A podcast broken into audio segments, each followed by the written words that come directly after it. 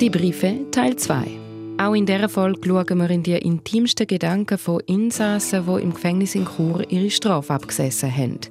Wir lesen nämlich ein paar Briefe, wo Sträflinge ihren Freunden und Verwandten geschrieben haben oder auch solche, die sie von draussen bekommen haben.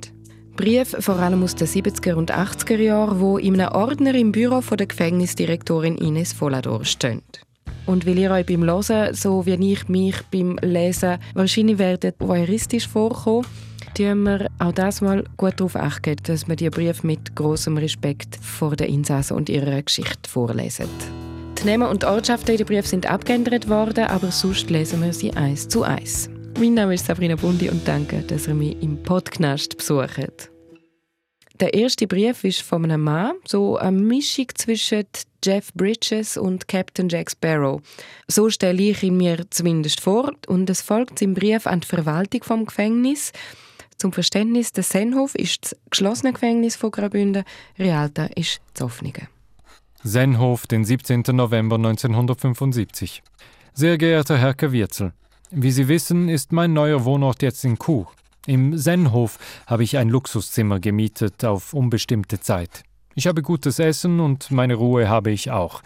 Einen Haken hat das Ganze. Es fehlt mir das Wichtigste, was man braucht, um zu leben. Ich benötige dringend Geld, damit ich Zigaretten und Toilettenartikel bestellen kann. Sie wissen ja, wenn der Toni nichts zu rauchen hat, dreht er durch. Das möchte ich so gut es geht vermeiden. Ich denke, 50 Franken würden vorderhand genügen hoffe, dass Sie mich verstehen und mir das Geld so bald wie möglich zuschicken. Nun zur zweiten Katastrophe. Sicher fragen Sie sich, warum ich aus Realta ausgeflogen bin. Ich habe um Versetzung gebeten. Denn Arschlecken liegt mir nicht. Aber ohne diese Eigenschaft ist es in Realta nicht möglich, einen anständigen Führungsbericht zu erhalten. Ein Aufseher sagte mir einmal, ich solle nur wieder abhauen, denn mir würden sie zuletzt nachweinen. Das sind Tatsachen, Herr Kawirzel, die der größte Sturm nicht wegzufegen vermag. Ich bitte Sie daher, mich nach meiner U-Haft im Sennhof unverzüglich nach Regensdorf zu versetzen. Für den Wiedereintritt nach Realta werde ich mich weigern. Mit Hochachtung grüßt Sie Toni Müller.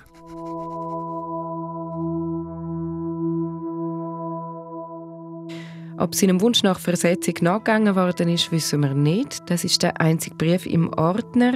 Die Namen haben wir auch geschwärzt und sind dem weiteren Schicksal der Briefe nicht nachgegangen. Weil die Briefe sollen vor allem zeigen, was ein Mensch im Gefängnis denkt und fühlt. Der nächste Brief hat mich ehrlich gesagt besonders oft leer schlucken lassen. Vielleicht auch, weil er von einer Frau geschrieben ist und an eine Frau adressiert ist, aber sicher, weil er einfach auch sehr tragisch ist. Es ist ein Brief von einer Nichte an ihre Tante, die im Gefängnis sitzt. Liebes Tante Stineli, schnell einige Zeilen von uns. Natürlich bin ich dir längst nicht böse. Es tat mir nur weh, weil du sagst, du seist unser schwarzes Schaf. Das bist du bei mir nie. Ich habe dich wirklich von ganzem Herzen lieb. Das weißt du ganz genau, gell? Leider muss ich dir wieder eine traurige Mitteilung machen. Dein Bruder wird nur noch wenige Tage leben. Er will all seine Geschwister nochmals sehen und sich verabschieden. Er ist nur noch 40 Kilogramm schwer. Er hat auch meinen Papi nach dir gefragt. Papi brachte es aber nicht fertig zu sagen, wo du bist. Er weinte und will dich unbedingt nochmals sehen. Bitte, liebes Tante Stineli, frage, damit du zwei Tage Urlaub bekommst. Dein Bruder stirbt. Ja, es brach mir fast das Herz. Er sagt, er könne nicht sterben, bis er auch dich nochmals sehen kann. Soll ich bei der Verwaltung bitten, damit du zwei Tage heimkommen kannst? Sie werden bestimmt nicht so herzlos sein. Mein geliebtes Tante Stinneli, sei mir nicht böse, dass ich dir eine so traurige Mitteilung machen muss. Ich hoffe, du kannst sofort kommen. Bei uns ist alles beim Alten. Es regnet und regnet. Alle Kinder außer Peter und Tina sind in den Ferien. Ich muss immer arbeiten. Martha hat gesagt, das beste Mittel sei Kaffee Lutz. Aber ich kann doch nicht blau zur Arbeit gehen. Dein Verlobter ist dir treu, man sieht ihn nur mit Kollegen. Bestimmt denkt er an dich. Er hat dich sehr lieb. Ich glaube, er ist froh, wenn du bald heimkommst. So, nun aber Schluss. Bitte gib sofort Urlaub ein. Wichtig. Ich schreibe auch gleich an die Verwaltung, gell? Bin jetzt aber gerade im Kiosk an der Arbeit. Schreibe, wenn du kommst, dann hole ich dich vom Bahnhof ab. Viel Liebe und viele Grüße, deine Nichte Sarah.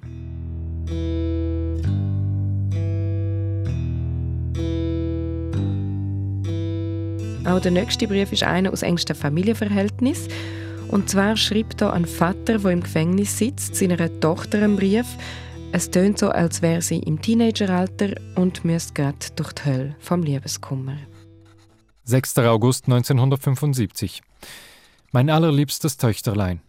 Wie all deine Briefe verdanke ich dir auch diesen, der mich sehr schockiert hat, und mein Wunsch wäre, jetzt nicht hier sein zu müssen, sondern bei dir, liebstes Töchterlein, um mit dir die Stunden des Schmerzes und der Qual zu teilen. Glaube mir, ich stehe immer zu dir, bleib dir treu und habe es keineswegs im Sinn, liebe Tochter, dich zu enttäuschen. Was du mir da geschrieben hast, schmerzt auch mich und deine Gedanken finden bei mir volle Unterstützung. Ja, so ein Mensch ist schlimmer als ein Tier. Ja, sowas ist grausam und gemein.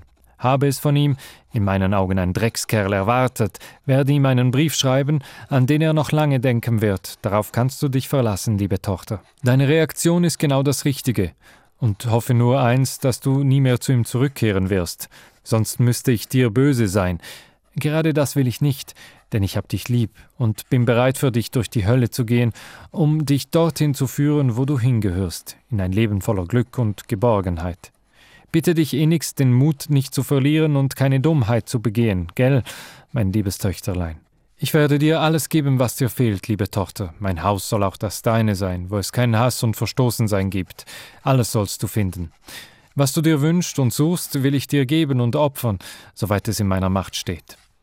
Bald ist Mami in Kur. Ja, dann bist du nicht mehr so alleine und so ist es auch leichter zu ertragen. Nun bleibt mir noch zu hoffen, dir etwas Mut übermittelt zu haben und dir ein wenig bewiesen zu haben, wie ehrlich ich es mit dir meine und wie ernst es mir ist, dir so gut ich nur kann beizustehen, ohne etwas von dir als Dank zu verlangen. Ich will nur eins, dich glücklich zu wissen, gell, liebste Tochter. Glaubst du mir, dass es kein Spiel ist, was oder wie ich zu dir stehe?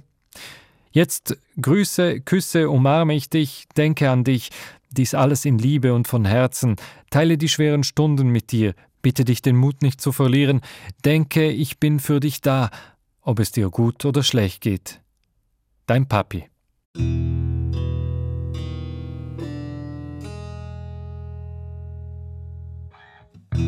Und dann gibt es ja auch noch die Sträflinge im Gefängnis, wo immer noch schlagfertige Sprüche reissen mögen, auch wenn sie gerade erst eingesperrt worden sind.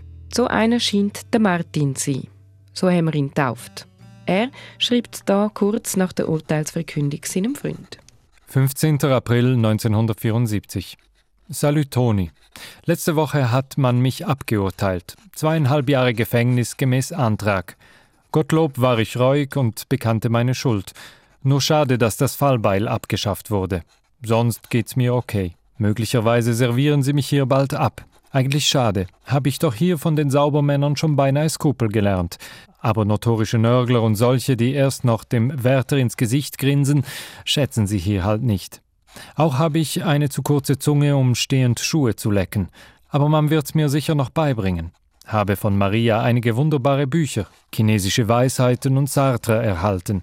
Aber findest du nicht auch, dass für einen skrupellosen Typen wie mich das Buch Wie übertrumpfe ich die Cosa Nostra oder Der saubere Bauchschuss aus fünf Metern geeigneter wäre? Aber was soll's? Ich hab's mir eingebrockt, werd's absitzen und wieder mal frei sein. Stürz einen Cuba Libre auf mein Wohl in die Kehle. Es grüßt dich, Martin. Zum Abschluss habe ich noch einen Brief gefunden, der eher zu den Ausnahmen in dem Briefordner gehört. Es ist nämlich ein Dankesbrief ans Gefängnis. Und der Insass, der schreibt, sagt selber, er hat lange überlegt, ob er schreiben soll. Und das ist, was er dann geschrieben hat. 11. November 1999, Zelle 24. Liebe Verwaltung, ich habe lange mit mir gekämpft, ob ich Ihnen ein paar Zeilen schreiben soll. Ich möchte Ihnen allen von Herzen danken, jedem Einzelnen. Für einen Menschen wie mich waren es meine schwärzesten Stunden in meinem Leben. Es war das erste Mal für mich eingesperrt zu sein, alleine, hilflos. Man fühlt sich wie tot oder wünscht es sich zumindest. Ich hatte und habe zwar das große Glück, eine Frau zu haben, die mich stützt und mir Kraft gibt, aber hier drin bin ich alleine. Ich habe mich vom ersten Tag an bei der Aufnahme wohlgefühlt. Die menschliche Psyche ist in den ersten Stunden und Tagen nackt und blank. Doch all ihre Mitarbeiter und Wärter haben einen, oft nur durch kleine Gesten und Freundlichkeiten, über diese Zeit hinweg geholfen.